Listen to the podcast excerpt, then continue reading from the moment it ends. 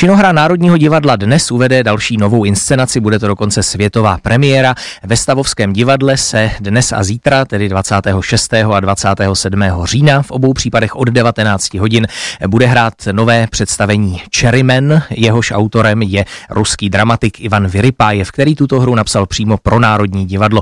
A více nám teď o představení poví dramaturgině této inscenace Nina Žak, která je teď mým hostem na telefonu. Dobré dopoledne. Dobré dopoledne. Na začátku jsem říkal, že Ivan Vyrypajev je ruským dramatikem, nicméně on se tedy ruského občanství zřekl na protest proti politice Kremlu, což vlastně souvisí i s tématem té hry, tak mohli bychom rozvést, o čem ta hra vlastně je a jak souvisí s osobními a občanskými postoji Ivana Vyrypajeva. Ivan Vyrypajev byl vlastně dlouhou dobu takovým vývozním artiklem současné ruské dramatiky a současné ruské kultury. A jak už jste řekl, tak se toho ruského občanství vzdal na protest a dokonce v květnu 2022 byl v nepřítomnosti odsouzen na 10 let vězení. A v té hře Cherryman, i když v takové metafoře a nadsázce a, a vlastně s takovým odstupem se snaží vlastně tématizovat pozici člověka, který uh, vlastně dílem osudu z historie, ale zároveň osobního rozhodnutí se musel zříct říct své vlasti a ta vlast se zřekla jeho.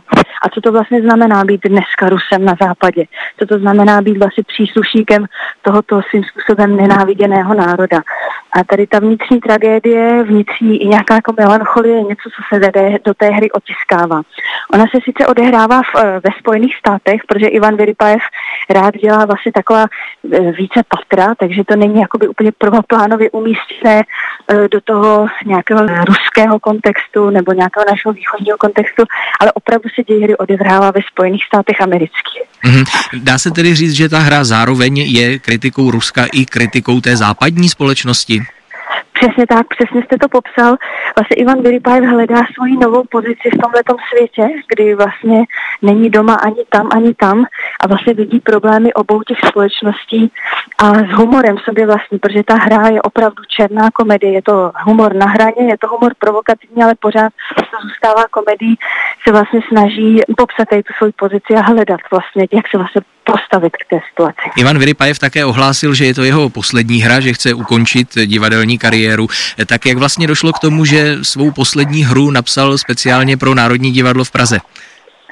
V době, kdy my jsme s ním vlastně komunikovali a domlouvali tady tuhle tu spolupráci, tak eh, ještě jeho pozice nebyla takhle vyhrocená, takže ještě byl vlastně ochoten psát a vlastně kvůli válce na Ukrajině mu vznikla i taková pracovní mezera, řekněme, protože jinak je to autor velice vytížený, protože všechny jeho projekty na Ukrajině, které měl nasmluvané, byly zrušeny.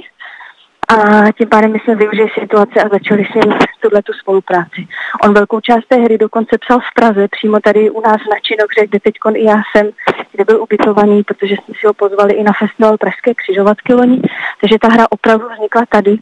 A, ale postupem měsíců on vlastně zjišťoval, že divadlo není tím řešením uh, pro jeho osobní situaci, pro tuto krizi, že ten problém je mnohem zásadnější a vlastně ten svůj život momentálně zasvětil tomu, že pomáhá ukrajinským a běloruským umělcům, kteří uh, vlastně teď emigrovali do Polska a provozuje tam uh, takové centrum kulturní a duchovní, které se jmenuje Tel House. Mm-hmm. Už jste zmínila, že to představení je komedie, že je jaksi protchnuto černým nekorektním humorem, tak jak to konkrétně vypadá? Mohli bychom třeba uvést něco z děje té hry nebo něco z dialogů, co toto ilustruje? tak eh, těch vtipů je tam hodně a protože je to situační humor vlastně slovní, tak se bude těžko jenom takhle jako vybírat, ale opravdu jsou to narážky na sexualitu, na rasu, na gender, a všechny vlastně tyhle ty témata, které dneska ve společnosti rezonují a vlastně vedeme velkou debatu o tom, jestli je možné si o těchto věcech dělat legraci nebo ne. Ivan Vyrypajev opravdu tuto hranici testuje. Takže uh, to, co se v té hře děje, že, že vlastně vy nevíte, jestli se máte smát, plakat nebo stydět. A tento pocit tam Ivan Vyrypajev záměrně vnáší a je to opravdu někdy takový zážitek na hraně. Včera jsme měli před premiéru a bylo vidět, že lidé se opravdu smějí a zároveň vůbec neví, jak to mají reagovat. Vzájemně po sobě pokukovali. Takže je to opravdu silný zážitek v tomto smyslu. Jak jsem pochopil, ten název Cherryman tedy odkazuje k Višňovému sadu, co by takovému reprezentativnímu dílu ruské dramatiky. Je tam nějaká vazba na Čechova nebo ruské klasiky i v tom samotném textu?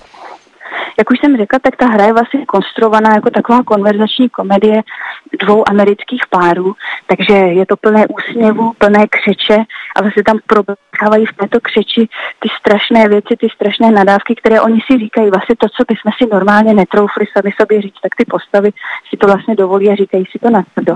A zároveň je tam postava starého strýce, který se začal považovat za Rusa z ničeho nic a považovat se i za sluhu vlastně tady těchto dvou manželských párů a tím, že tvrdí, že je Rus, tak vlastně reprezentuje tady tuhle tu éru čechovovského světa, tuhle tu zašlou slávu ruského divadla.